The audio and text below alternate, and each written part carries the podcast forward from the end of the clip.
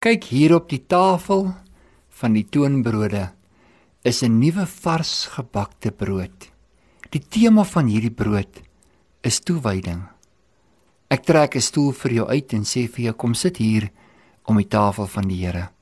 Saam met my Piet van der Westhuizen. Dan breek ek en jy 'n broodjie. Dan praat ons 'n bietjie oor die dinge wat in God se hart belangrik is vir jou en vir my. Ons deel met mekaar, ons getuig teenoor mekaar van die goedheid van die Here.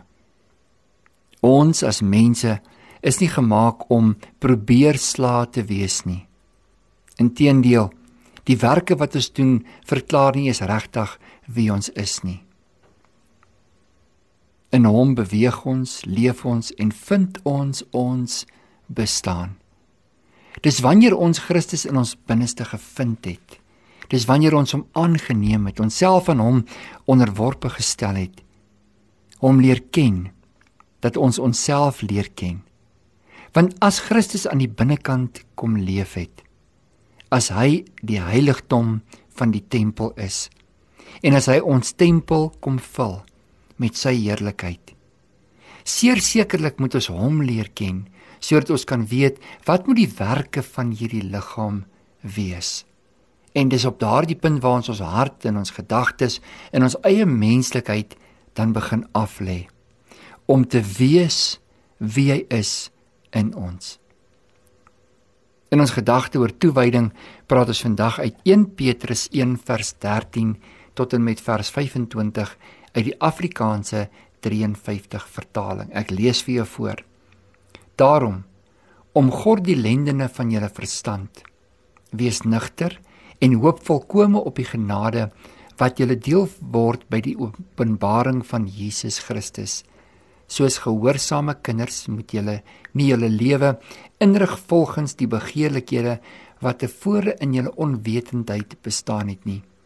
Maar soos hy wat julle geroep het heilig is, moet julle ook in jul hele lewenswandel heilig word, omdat daar geskrywe is: Wees heilig want ek is heilig.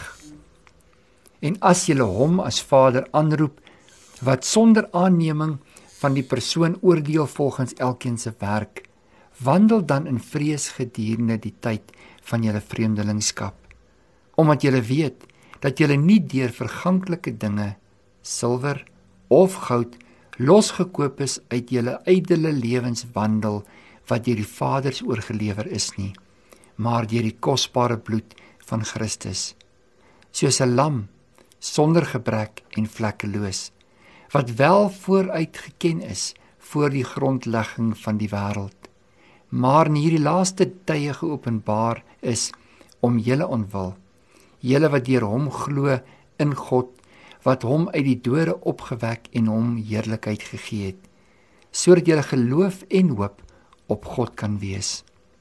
As jy in gehoorsaamheid aan die waarheid julle siele deur die Gees tot ongefeinste broederlike liefde gereinig het, moet julle mekaar vurig lief hê uit 'n rein hart, want julle is wedergebore nie uit verganklike saad nie, maar uit onverganklike deur die lewende woord van God wat tot in ewigheid bly.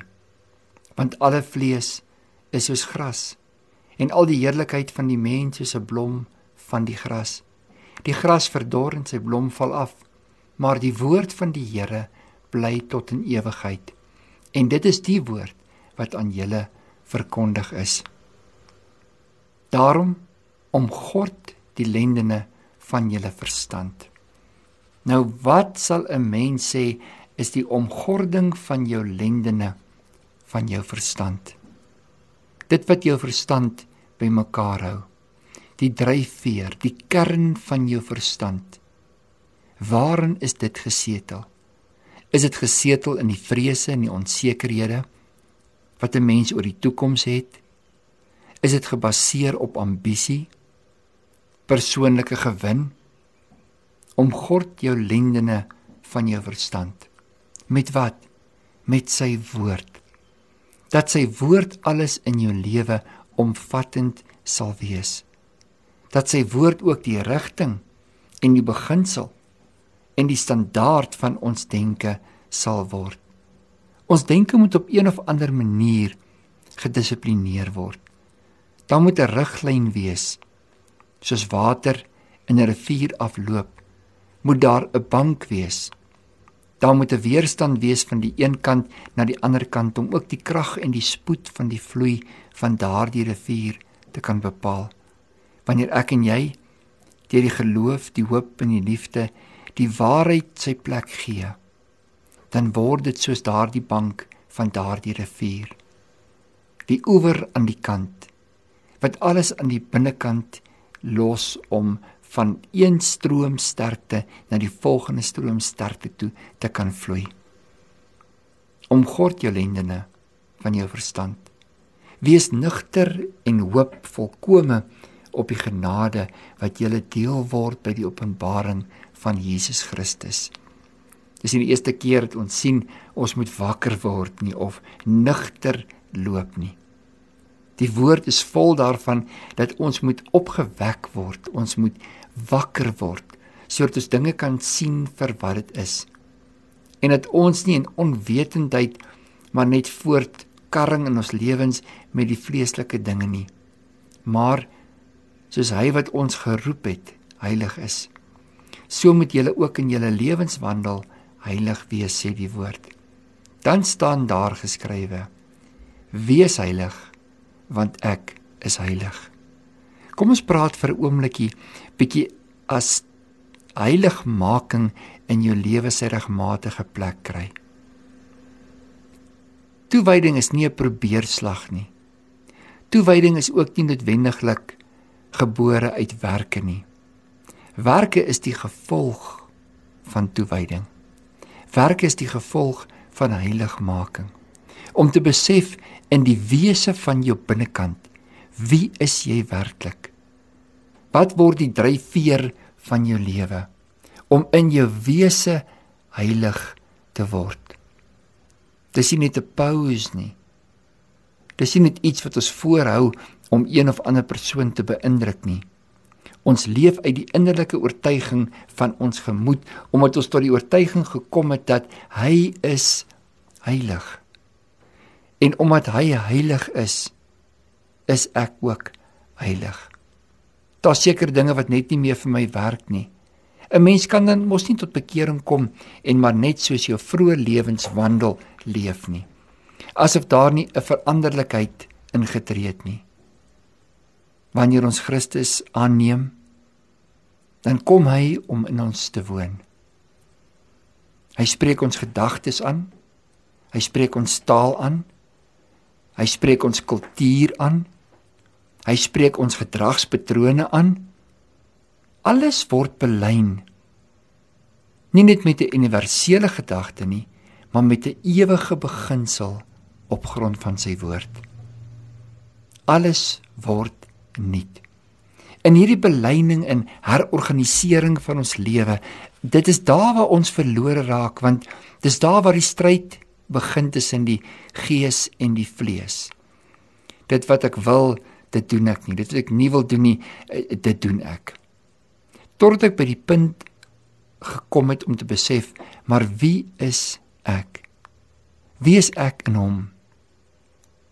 Wanneer Jesus vir Petrus sê, vlees en bloed het nie aan jou openbaar dat ek Christus die seun van die lewende God is nie maar my Vader wat in die hemel is het dit aan jou openbaar dan gaan Christus ook aan na die volgende gedeelte van daardie identiteit toe nie alleen het Petrus gesien wie Jesus was nie maar kon Petrus ook 'n lewe begin het om nou te ontdek en uit te vind wie hy werklik is.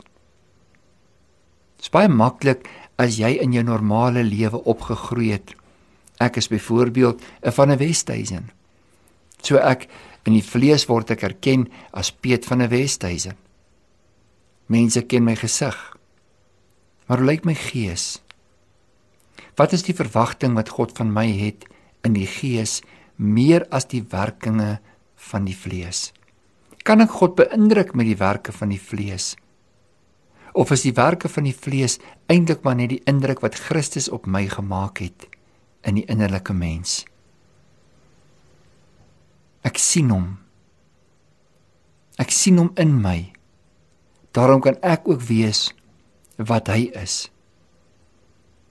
Dat hierdie van 'n Westhuizen nie vir die geesman sal sê hoe om te lewe nie, maar dat my vlees aan die gees sal onderworpe wees. Dat ek myself sal neerlê aan die dinge van die gees. Dit wie God is, dit wat hy van my lewe verlang. Wanneer ek myself neerlê, dan neem ek eintlik my nuwe lewe op. Hy wat sy lewe probeer behou, sal dit verloor en hy wat dit verloor sal dit vind. Hoe werk dit dan dat dit so 'n paradoks is? So baie mense stry om hulle lewens te behou. Een of ander vorm van 'n lewe te wil lewe. En Christus moet maar op die agterkant van die waarheid. Ons gooi Christelike sousies op ons byeenkomste. Ek gaan soek die Here uit my noodkrisis of dood uit. Ek roep hom aan in die dag van my benoudheid. Maar die ander dae is hy vergete. My wese verlang na U, Here. My wese wil U tevrede stel. Alles in my honger daarna om in geregtigheid te leef. Dis nie vir my straf nie. Dis nie 'n wet nie. Dis nie iets wat ek moet doen omdat dit is hoe 'n Christen lewe nie. Nee nee. Ek wil nie meer nie.